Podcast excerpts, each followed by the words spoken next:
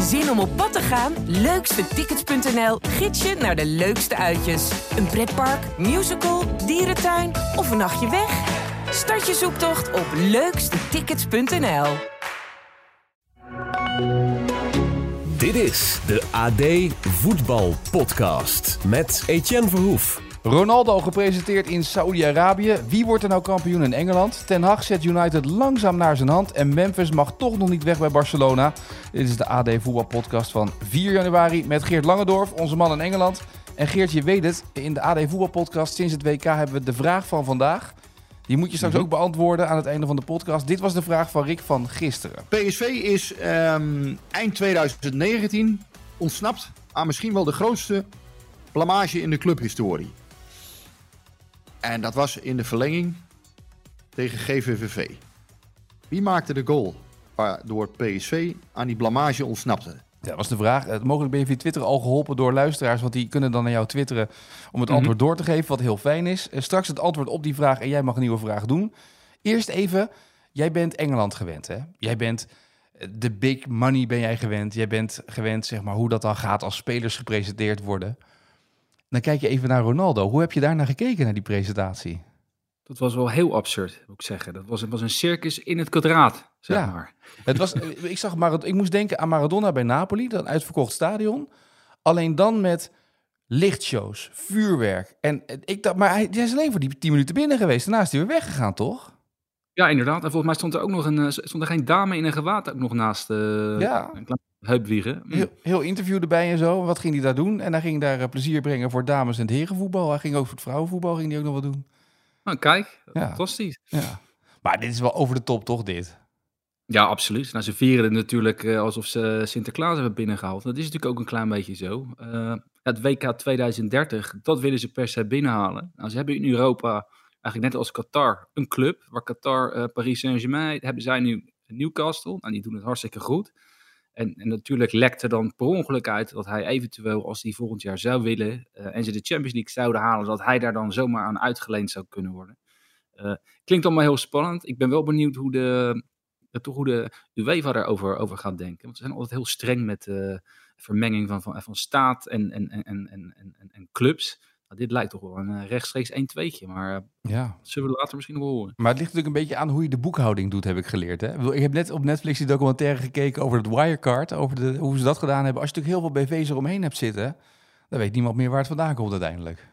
Nee, dat, nou, dat is natuurlijk waar. Als je hem inderdaad in dienst zet van een, eh, van een bedrijf op Barbados en je huurt hem vervolgens dan uit aan Newcastle, dan zou het misschien best wel kunnen. Ja, maar ik vraag me dan wel af. Ik heb Newcastle ook even zitten kijken tegen Arsenal.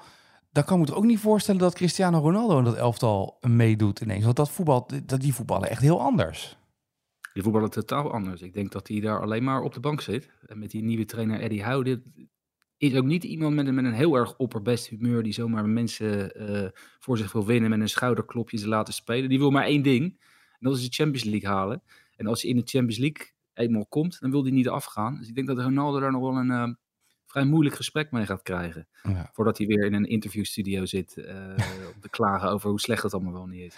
Maar dit is wel dus, eh, want het lekt uit. Dus dan weet je ongeveer wel dat die clausule erin staat dat hij terug kan keren naar de Premier League, toch? Ja, inderdaad. Eh, Absoluut. Dan is natuurlijk wel de vraag. We hebben hem gezien op het WK.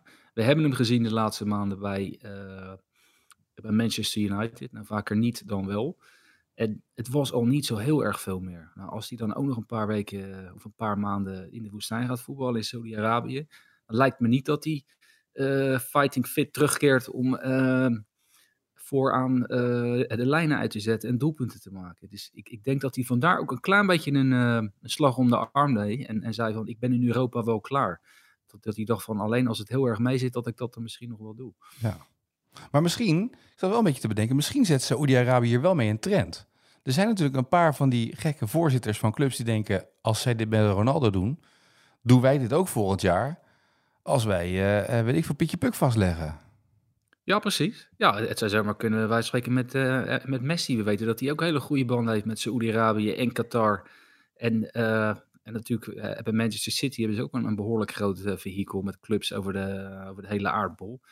Zou me niet verbazen als er op een gegeven moment ook nog een keer een, een, eh, een, een klein contractje uit controle, waar hij de rest van zijn leven nooit meer voor iets hoeft te doen dan. Nee, precies. Maar stel nou dat Mbappé nu zegt, joh, weet je, ik ga naar City, ik noem maar wat, hè, uh, volgend jaar. Zou City dan ook zo'n hele parade, zou dan dat stadion ook vol zitten bij City? En om hem eventjes welkom te heten? Nou, ik heb zo'n idee dat, ze, dat als ze dat bij City proberen, dat, uh, dat hij dan gelijk wordt uitgefloten. Want daar houden ze helemaal niet van bij Manchester City. Ze ze zijn inmiddels wel, ze hebben een, een, een hele moeilijke uh, Europa lounge. En uh, waar mensen achter, achter glas heel duur kunnen eten. En dan te laat het stadion binnenlopen om de wedstrijd te kijken. Mm -hmm. Maar de gewone fans in het stadion en op de tribune. Die hebben zelfs twee, drie seizoenen moeten wennen aan Guardiola. Want die vonden zijn jasje al te chic. En die dachten, ja, wat is dit voor een, uh, voor een eigenheimer? Wat denkt hij wel? Het is hier geen modeshow, maar het is hier gewoon een voetbalstadion. Ik denk dat je er bij United wat sneller bij weg kan komen. Maar als ze dat bij City proberen, dan heeft hij ongeveer gelijk al de fans tegen zich. Ja, ja precies. Wat dat betreft, nou goed. Saudi-Arabië heeft er een show van gemaakt. Uh, ook wel weer gelijk dat ze daarmee aandacht krijgen natuurlijk voor Saudi-Arabië. Waar dat hoopt natuurlijk het WK van 2030 binnen te halen. In Engeland wordt natuurlijk alweer een tijdje gevoetbald na dat WK. Dat ging vrij rap. Dat zei ze in Engeland vinden ze ook niet erg, toch? Hoe meer voetbal, hoe beter, of niet? Ja, absoluut. Die konden eigenlijk niet wachten totdat, het, totdat de, de competitie weer begon. Uh, het was er sowieso al weinig voor ze aan uh, dat WK. Het was uh, ja, tijdens de wintermaanden. je kan geen barbecues buiten doen. je kan niet je nieuwe Engeland-shirt showen. Uh, normaal gesproken het vaste kerstcadeau is. Dus dat hadden ze dan allemaal in de zomer moeten kopen. iedereen die stond er klaar voor. En natuurlijk de uitzendgemachtigde. Die wilde één ding. Ja, dat WK is prima in, in de winter. Maar dan moet wel ons kerstvoetbal doorgaan. Want dan zit het stampers vol. En dat bleek ook wel. Het was één groot feest op eigenlijk op alle tribunes. zonder wanklank iedereen met kerstmutsen op. Uh, nog met een kater van, van de avond ervoor. En het, het voetbal was ook nog goed. Dus die dachten toen van, zie je wel, dat hele WK in, uh, in Qatar. Uh, Oké, okay, we zijn niet zo ver gekomen met Engeland, maar kijk eens naar ons. Ons, ons voetbal is nog vele malen beter. Ja, nou, dat, dat zag ik wel een beetje uit. Een beetje. Arsenal-Newcastle was natuurlijk wel wedstrijd om naar, naar uit te kijken uh, gisteren. En als je dan kijkt naar hoe dat tempo was in die wedstrijd... Zeker het eerste half uur. Dat was ook daarna een beetje schoppen en een beetje liggen en een beetje gele kaarten. Maar het tempo was wel ongelooflijk hoog in die wedstrijden. Het is echt moordend. En uh, dat merkte hij ook al gelijk in de. Voor mij was het een van de allereerste wedstrijden. Liverpool, Man City volgens mij in de, in de League Cup. Dat was vier dagen na de WK-finale. Ja. En dat tempo was al zo bizar dat je dacht: hoe, hoe kan dit zo kort na zo'n groot toernooi? Uh, dan hou je je hart vast van, gaan er nou heel veel blessures vallen? Uh, maar, die spelers, die, je ziet het ook aan Kevin de Bruyne, die vindt dit juist prettig. En, en die ergerde zich juist bij België. Waarom het tempo laag lag en, en waarom mensen niet op, op, waarom die automatismen er niet zijn. En dan eenmaal weer in een eigen omgeving bij een club, ja, dan zie je wat, uh, wat voor prachtig voetbal het kan worden. En dan ben ik het ook eigenlijk wel een klein beetje eens met uh, wel de erg chauvinistische Jamie Carragher, die dan zegt, ja dit is toch vele malen beter dan internationaal voetbal. Ja, dat als je dan de WK ja. kijkt, mwah.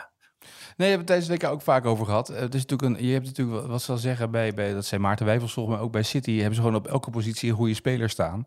En dat heb je natuurlijk bij België, heb je een paar, maar die rechtsback is nog steeds die rechtsback van, nou ja, weet ik veel, Waregem bij wijze van spreken. Je hebt altijd een paar mindere spelers in een nationale selectie zitten. Ja, absoluut. Daar heeft hij natuurlijk ook gewoon, daar heeft hij ook gewoon gelijk in. En het probleem was natuurlijk met dit WK dat ze, dat ze maar een hele korte voorbereidingsperiode hadden. Dus, dus, je, dus je vliegt van je, van je club binnen en je went een klein beetje aan het klimaat. Je kan een paar keer met elkaar trainen en je staat samen op het veld. Dan kan je misschien tijdens de Nations League nog wel hoge ogen hebben gegooid of tijdens kwalificatiewedstrijden. Maar dan ben je natuurlijk niet geen geoliede machine die, die, dan gelijk een voetbalshow kan weg hebben. Zoals, zoals Spanje in het verleden deed op, op WK's en EK's. Ja, uh, ja dat, dat moet, dan moet een echt een WK in de zomer zijn. Dus wat dat betreft uh, contrasteerde het ook wel veel meer dan, in, uh, dan bij voorgaande toernooien. Ja, wat mij wel opviel, wat, jij, jij, zit vaker in het stadion in Engeland. Ik zag Sjoerd, die was bij Brentford geweest de afgelopen dagen. Als je in Engeland in het stadion zit, dan, dan is het voetbal altijd nog intenser. Dan zie je eigenlijk pas, op televisie zie je hoe een wedstrijd gespeeld wordt. Maar als je erbij zit, heb ik het idee, is het nog intenser om te zien, toch? Wat daar gebeurt, of niet? Ja, absoluut. Nou, ik was toevallig uh, bij Brentford tegen uh, Tottenham. Ja. En, ja. Eigenlijk begon het al met de fans. Er was een DJ in het huis. Nou, dat is er eigenlijk altijd wel. Uh, maar de spanning voelde je al gelijk. En, en, en het het tempo was, want je zit vrij dicht op het veld, het was zo gigantisch hoog. Dat je, je kijkt echt van links naar rechts alsof het een tenniswedstrijd is. En uh, het, is, het is letterlijk aan en beneden. Fans zitten ook de hele tijd met hun handen voor, voor hun gezicht. En, uh, het gaat maar door en het gaat maar door. En de uitspraken na afloop zijn altijd prima van de trainers. Perfect ingespeeld op de camera en op het publiek. En wat ze moeten zeggen op de kranten. En ja, de spelers die houden ook totaal niet in. Dus je ziet al gelijk, je, denkt niet, je zou denken, na zo'n na zo'n lange onderbreking in de woestijn, nou, we houden het een klein beetje rustig. Maar je ziet gelijk vliegende tackles, uh, die, ook, die ook makkelijk rood hadden kunnen zijn. En ja, je zit inderdaad van, van de eerste minuut tot de laatste minuut zit je op het puntje van je stoel. Maar is dat nou zo veranderd de afgelopen jaren sinds jij naar Engeland bent gegaan? Je zit er al een paar jaar. Ja, nou, uh, zeker sinds 2014. Tenminste, het grote verschil. Want ik woon er sinds 2014. Eerst in Manchester en nu in Londen. Nou, toen, was, toen waren er, um, het, het, was het niveau redelijk. Maar toch nog wel ja, vrij simpel, vrij eenvoudig. Um, makkelijk uit elkaar te spelen in Europa als ze dan eenmaal in de Champions League zaten. Nu, met, met Klopp, met Guardiola, uh, met Ten Hag, uh, met Conte uh, en allemaal andere trainers die hun werk min of meer kopiëren om mee te kunnen komen in de league, is het niveau zodanig vooruit gegaan. En ook met, met, met, met, met natuurlijk de astronomische tv-gelden. En, en, en zeker nu ook met de, met de coronapandemie, dat Engeland eigenlijk alleen maar de, die salarissen kan betalen, is het, is, is het niveau is, is inderdaad echt gigantisch. Ik denk dat het twee keer zo goed is geworden in de laatste acht jaar. Uh, ja, dus onvoorstelbaar. Ik had moet, als ik Man United onder Van Gaal zag voetballen, dacht je nou, is, is dit nou de beste competitie op aarde? En als je nu City uh, en Liverpool, nou Liverpool op het ogenblik wat minder, maar met afwisseling in de laatste jaren bezig ziet. En ook, en ook kleinere clubjes, zoals Fulham kan, kan, kan echt heel behoorlijk voetballen. Uh, ja, het is niet meer een, uh, ja, een strijd tussen, tussen twee, drie clubs en de rest strijd tegen degradatie. Daar doen we nu echt wel serieus acht clubs mee om Champions League voetbal. Ja, en als je kijkt naar United, om dat bruggetje even te maken, die speelden dan niet heel goed, maar die wonnen wel. Die, die, die, je ziet wel het niveau in het spel ten opzichte van bijvoorbeeld een ploeg als Arsenal of Newcastle zelfs in de aanvallen. Maar ze winnen wel, laatste wedstrijden veel de nul gehouden. Uh, ten Hag zelfs een, een, een, een dingetje uitgevolgd weer met Rashford. Met de volgende die te laat was bij de bespreking. Uh, heeft Ten Hag het nu een beetje op de rit? Heb jij het idee of nog niet? Nou ja, als je naar het voetbal kijkt, uh, niet zozeer. Als je kijkt naar de uitstraling op het veld van de spelers. Die, die werkelijk tot het gaatje ook voor elkaar gaan. aanvallers die mee verdedigen. Zelfs Anthony, hij zat er toevallig gisteren niet bij omdat hij, omdat hij geblesseerd was. Maar die zie je ook van, van voor naar achter rennen. Uh, die Casemiro, die, die, die overal en nergens uh, spelers uit de brand helpt die misschien niet zo goed zijn als hij. Uh, Luke Shaw, die volgens mij nog nooit zo fit is geweest en nu in één keer ook in het centrum van de verdediging fantastisch blijkt te zijn. Dus ja, stap 1 van, van Ten Hag was, was die zuurheid, dat zaggerijn, die lethargie uit dat team proberen te krijgen. Ook met hulp van nieuwe aankopen, waar natuurlijk Casemiro uh, een heel goed voorbeeld van is. Maar ook Lisandro en Martinez, dat, dat, dat, is net zo'n krijger die, die, die, die, die voor alles gaat en zijn ploeggenoten uit de brand helpt. En ja, en die mix, dat betaalt zich niet uit. En dat zie je bijvoorbeeld aan Rashford. Nou, Rashford was altijd letterlijk Jantje lacht, Jantje huilt. Als hij als die zagrijnig keek, raakte hij geen knikker. En als hij lachte, dan scoorde hij vaak. En het laatste seizoen uh, lachte hij heel weinig, dus het, het, was, het, het was droef. En uh, ja, nu heeft Ten Hag heeft het toch voor elkaar gekregen dat hij weer zin heeft in voetballen. Dat hij fitter is dan ooit. Hij heeft een speciaal trainingsprogramma in de Verenigde Staten afgewerkt. Bij uh, allemaal instituten waar, uh, waar United uh, aan verbonden is. En die komt terug. heeft er weer zin in. Scoort. En dus ook kwam te laat, wordt op de bank neergezet. het valt tegen. volgens mij wilde Ten Hag hem niet eens inbrengen. Dat gaf hij ook later wel, wel toe. Maar hij kon niet anders. Hij zet hem in. En hij bezorgde de winnende. En dan scoort hij gisteren weer. Dus als je, kijkt, als je puur kijkt naar team spirit, dan heeft hij, dan, dat is echt, men, daar kan je echt een groene vink achter zetten. Het spel, ja, dat zal nog wel uh, de komende maanden uh, zo behoorlijk aan, aan, aan, geschaafd moeten worden. En dan in de zomer ook weer met, met waarschijnlijk een heel blik nieuwe aankopen. Ja, maar ik heb wat geleerd. Uh, Manchester speelt in Theater of Dreams. Dus het publiek is heel kritisch. Die willen altijd mooi voetbal zien. Volgens mij stond het zelfs in jouw boek nog, uh, David Cook, dat je dat beschreef. Ja. Over, omdat ook Van Gaal eigenlijk vrij verdedigend speelde. Um, pikken ze het nu bij Ten Hag dat het op deze manier gaat en dat nog niet oogstrelend voetbal is en dat soort dingen? Ja, absoluut. Omdat, uh, omdat je gewoon kan zien dat elke intentie is naar voren. En dat begint al bij de backs, uh, wie het ook is. Of het nou Shaw is, uh, Malasia, Diogo Jalot of, of, of, of Dalot of, of, of wie er op dat moment ook staat, Van Bissaka. Ze moeten allemaal heel snel naar voren en, en, en, en helpen in de aanval. En niet uh, langzaam maar vooruit breien. En dan een keertje van de ene kant naar de andere kant om een zogenaamde overload uh, voor elkaar te krijgen. bij United gaat het echt al wel op tempo. Vaak, omdat het op het middenveld nog altijd niet altijd overhoudt, is het dan wel vaak vanuit de counter. Maar wel uh, met de aanvallende intentie in ieder geval. En ook, en je ziet het nu ook aan de afgelegde kilometers per wedstrijd ja, die zeggen gewoon een stuk hoger dan onder Van Gaal. En de intentie. Eh, eigenlijk kunnen de fans zien wat, wat Ten Hag ook weet. We hebben nog een spits nodig. Uh, en nog een middenvelder, uh, een goede. die zowel kan verdedigen als aanvallen. En dan, dan doen we misschien wel mee om de prijzen volgend jaar. Maar... Ja. gaan ze nu nog wat halen, denk je? Gaan ze de portemonnee deze, deze winter al trekken? Nou, ze hebben een ongelofelijke betalingachterstand van, van transfersommen. Ik geloof dat het rond de 300 miljoen euro is. Wat een Premier League record is. Uh, dus kopen, dat lijkt niet echt voor de hand te liggen. Maar ze hebben natuurlijk wel een hoop salaris uitgespaard met het vertrek van Cristiano Ronaldo. Dus een huurspeler, dat zou zeker tot de opties kunnen gaan behoren. Uh, alleen in deze markt wordt dan vaak besloten, zoals bijvoorbeeld Arsenal in, in het verleden deed met Odegaard. Je huurt hem en vervolgens koop je hem als hij het goed doet. Maar zo, dat soort opties kunnen ze bij United op dit moment niet zo makkelijk in contracten leggen. Dan, dan zou het echt voor een half jaar zijn. Dus, dus dan strijd je als Arsenal nu bijvoorbeeld wel de buidel kan trekken voor, voor bijvoorbeeld uh, Joao Felix. Uh, en die zegt, ja, als je het goed doet, dan, dan, nemen, we je voor, dan nemen je volgend jaar over.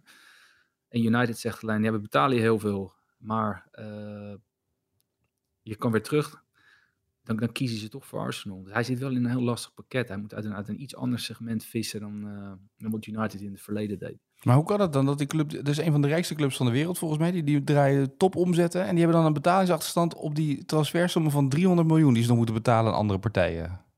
Ja, het is inderdaad, het is inderdaad vrij absurd. Ze hebben, ze hebben in één keer in de zomer hebben ze gigantisch de buidel uh, toch opengetrokken. Uh,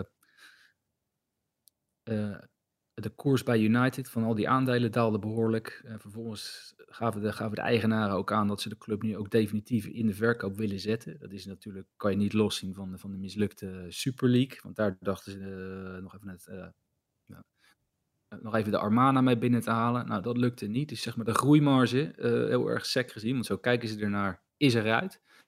Dus nu is het een kwestie van de boel pappen en nat houden en, en, ze goed in de markt zetten en, en, verkopen. Ze gaan nu ook niet meer ik denk niet dat je erop kan rekenen dat ze nog heel erg uit eigen vermogen gaan trekken. Dat, dat, dat lag ze sowieso al niet in de aard. Uh, en, en de sponsorinkomsten beginnen ook langzamerhand. En daar komt een behoorlijke deuk in. Uh, ja, bijvoorbeeld dat, dat, de sponsor die ze op hun, uh, op hun borst hebben, die, gaat, die zelf ongeveer failliet. Dus die, die, moeten dat contract verscheuren. En wil je aan, een, aan dit United nu weer een record som verbinden als, als, als, als, als, als buitenlands topbedrijf op dit moment uh, niet echt, lijkt nee. het. Dus ze, ze, moeten gewoon voorzichtig zijn. Ze zijn niet meer zo groot als dat ze vroeger waren. Maar heeft dat dan ook gevolgen voor Ajax? Want als Anthony is natuurlijk gekocht voor die 100 miljoen en Martinez is gekocht voor uh, kleine 50. Als ze die 300 miljoen in transfersom al niet uitbetalen, heeft dat ook gevolgen voor Ajax natuurlijk.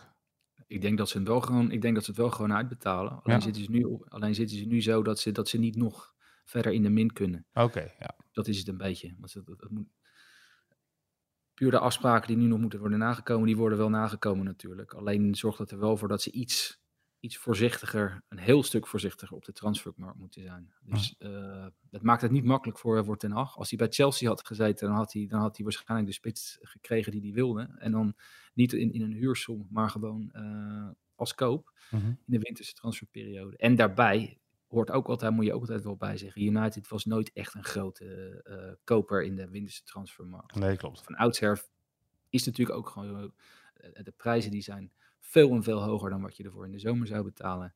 En uh, vaak zijn het dan ook dan nog paniek aankopen. En dat betekent dan vaak weggegooid geld. Ja. En ja, daar hebben ze nu duidelijk ehm, ja, ook gezien het verleden niet zoveel zin in. Nee. Uh, dan krijgen we nog trouwens een mooi toetje voor deze week. Want er zit nog uh, City tegen Chelsea op het programma. Ook een aardig potje natuurlijk om nog naar te kijken. Want hoe gaat het daar? En gaat Ziyech nou nog een plek, een kans krijgen? Een echte kans krijgen bij Chelsea of niet? Dat is een beetje de vraag. Moeten we deze week nog maar naar kijken. En er was ook nog het verhaal dat Newcastle mogelijkerwijs Memphis wilde gaan halen. Als spits. Maar Barcelona heeft nu gezegd, nee, nee, hij is toch heel belangrijk. Eh, hij gaat zijn kansen wel krijgen. Er is niks veranderlijker dan Barcelona ongeveer tegenwoordig, hè? Dat, eh, Ja, ongelooflijk. Dat, we hebben het natuurlijk eerst gehad met Frenkie de Jong. Van, eh, mocht hij wel, mocht hij niet. Ja. Mo- willen je heel graag hebben, maar dan, dan moet je wel je salaris halveren. Is dat, gaat dat nu ook een beetje spelen met Memphis, denk je? Van, ja, wat, zijn, wat zijn de krachten die daarachter spelen? Xavi stelt hem eigenlijk nooit op. Maar die zegt nu wel, Nee. ik heb hem nodig de komende week. Ja, Lewandowski geschorst natuurlijk, dus ja. Is voor een paar weken. Maar dan is het natuurlijk gewoon, ik denk dat, eh, ik denk dat ze ook heel makkelijk zijn. Ze willen heel snel van, van spelers af. Maar wel als er goed voor betaald wordt en niet met allemaal huurconstructies. Dus als die kan worden gekocht, graag. Eh, al- als clubs hem willen huren, eh, nee dank je. Nee. Dus ik denk dat dat het een beetje wordt. Ze willen, ze willen gewoon snel geld vangen. En als je dan twee clubs tegen elkaar uitzet. United schijnt ook, als je de Britse media mag geloven, enigszins in de marktvorm te zijn. Nou, dan heb je Newcastle ook. Nou, die kunnen wel de een en ander uitgeven. Dan kan, het nog best wel een leuke biedingsstrijd worden. En zou me niet verbazen als hij voor het eind van de maand toch eh, voor een van die twee clubs gaat kiezen. En dan gok ik dat Newcastle de meeste, de meeste kans heeft. Nou, zeker die je verhaal hadden net, hè? eh, over eh, wat, ze- mogen uitgeven aan geld of wat ze kunnen uitgeven aan die transfersommen. Cody Gakpo, gaat hij de komende weken zijn debuut maken snel, denk jij, bij Liverpool? Het gaat, natuurlijk niet heel lekker nu bij Liverpool, dus... Nou, volgens Klop lag het toch aan de, lag het toch aan de scheidsrechters. Ja, nee, het ligt nooit... Het ligt nooit het is, voor de rest is het een topselectie natuurlijk, ja. Het, het, het zit er wel aan te komen dat hij inderdaad vrij snel eh, gaat beginnen. En ze spelen, eh, ze spelen volgens mij tegen Wolverhampton in de beker eh, in dit weekend. Het zou natuurlijk een uitgelezen kans zijn om, om, om wat minuten te gunnen. Als de papieren allemaal in orde zijn. En anders wordt het de week erop tegen, tegen Brighton. Maar het is wel heel duidelijk dat ze eh, aanvallend enigszins tekort schieten. Maar vooral op het middenveld. Eh, en eh, ja, dat Van Dijk vroeg werd gewisseld. En daar moet je allemaal niet zoveel waarde aan, eh, aan hechten. Waarschijnlijk was hij gewoon moe en was het van tevoren ook al afgesproken. En had een klein beetje last van zijn hamstringschijn. Maar de echte problemen die liggen op het middenveld. Waar ze gewoon creativiteit en, en voornamelijk benen missen. Zoals ze dat in, in Engeland noemen. Dus niet heel lekker binnenkomen voor Gakpo natuurlijk dan, hè? Als je, op je kan, je kan op, op een beter moment in een selectie komen. Dat is, dat, dat is ook eigenlijk een klein beetje de pech van, van Gakpo. En dat zou natuurlijk ideaal zijn. Om, in een ideaal klopscenario word je gehaald. Eh, maakt niet uit waar je vandaan komt. Of je nou, of je nou van Inter Milan komt, Real Madrid of eh, Borussia Dortmund of, of Ajax of eh, de tweede divisie in België. Als je bij Liverpool komt, dan heb je gewoon een aanloopperiode van, van minimaal drie maanden nodig. Een uitzondering daar gelaten. En het was natuurlijk voor Gakpo ideaal geweest als hij dan, als hij dan steeds in de 60ste, 70ste minuut in het begin kon, eh, kon invallen voor eh, Luis Diaz, ja. Exact. En dat kan dus nu niet. Zij zal waarschijnlijk gelijk best wel veel zwaar werk moeten gaan verrichten. En, en zich gelijk ook moeten gaan bewijzen. En dat is, op de klopmanier is dat heel lastig. Ja. Dat, dat heeft uh, Pijn Leiners, zijn assistent, ook wel vaak uitgelegd. Wij werken op zo'n manier, dat kan je niet 1, 2, 3 leren. Dat is, dat is echt hogeschool. Ook qua conditie, maar zeker ook op tactisch gebied. En uh, dat heeft gewenningstijd nodig. Uh, het komt goed, want anders kopen we hem niet. Maar ja, voor de fans uh, en voor Gakpo Geduld. Is, wordt het wel lastig, want hij komt echt gelijk onder een heel groot vergrootglas te liggen. Ja, dat geloof ik. Ja. Overigens, Nunez, een prachtige spot van Domino's Pizza op Twitter. Die zeiden, ja, we hadden pizza, we hadden pizzacoureur, maar die was wat later, zeg maar. Ook goed, goed ingespeeld op de actie, omdat hij steeds die kans allemaal miste. Dat was mooi. Uh, we zijn uh, aan het einde van deze podcast, maar dan moeten we nog wel even wat administratieve handelingen verrichten. De vraag van vandaag. Ja, de vraag van vandaag. Elke dag aan het einde van deze podcast hebben we een vraag van vandaag. Gisteren was dat door Rick Elfrink. Die heeft hem gesteld als eerste. Die was, uh, die was als volgt. PSV is um, eind 2019 ontsnapt aan misschien wel de grootste blamage in de clubhistorie. En dat was in de verlenging tegen GVVV. Wie maakte de goal waardoor PSV aan die blamage ontsnapte? Ik moet zeggen, het zat nog niet in mijn collectief geheugen. Uh, uh, dat zei ik gisteren ook. Ik heb het ook moeten opzoeken voor de zekerheid, wat het was. Weet jij het, wie het was? Nou, hij gaf het een klein beetje weg. In het, in het, in het originele fragment zei ja. hij achteraan. En we gaan deze week waarschijnlijk nog wel iets van hem horen. En toen dacht ik, wacht eventjes.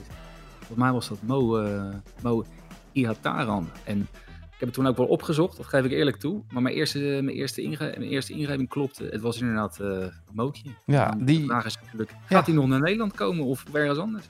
Nou, ik denk dat FC Den Bosch binnenkort wel gaat aankloppen bij hem. Of Juventus wil, hem weer, wil weer van hem af. Hij kwam vandaag weer in het nieuws natuurlijk. Uh, mm -hmm. Want uh, Juventus wil van hem af. Dus ik ben heel benieuwd wat het gaat worden.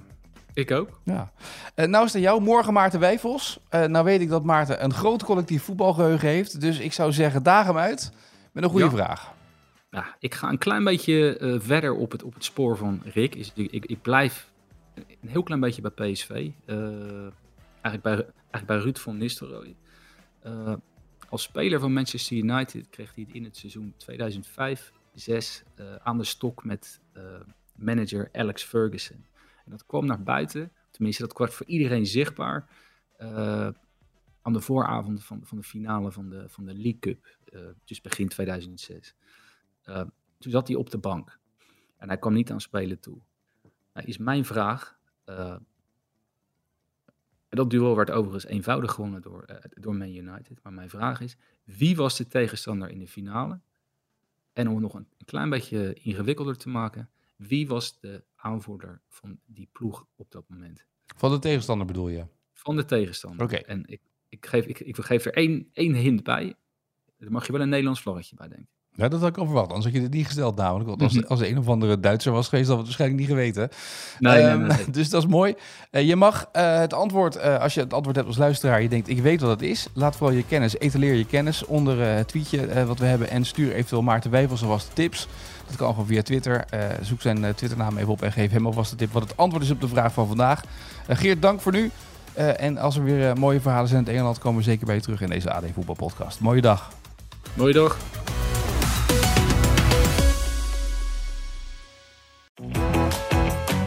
Zin om op pad te gaan? Leukstetickets.nl gids je naar de leukste uitjes. Een pretpark, musical, dierentuin of een nachtje weg? Start je zoektocht op leukstetickets.nl.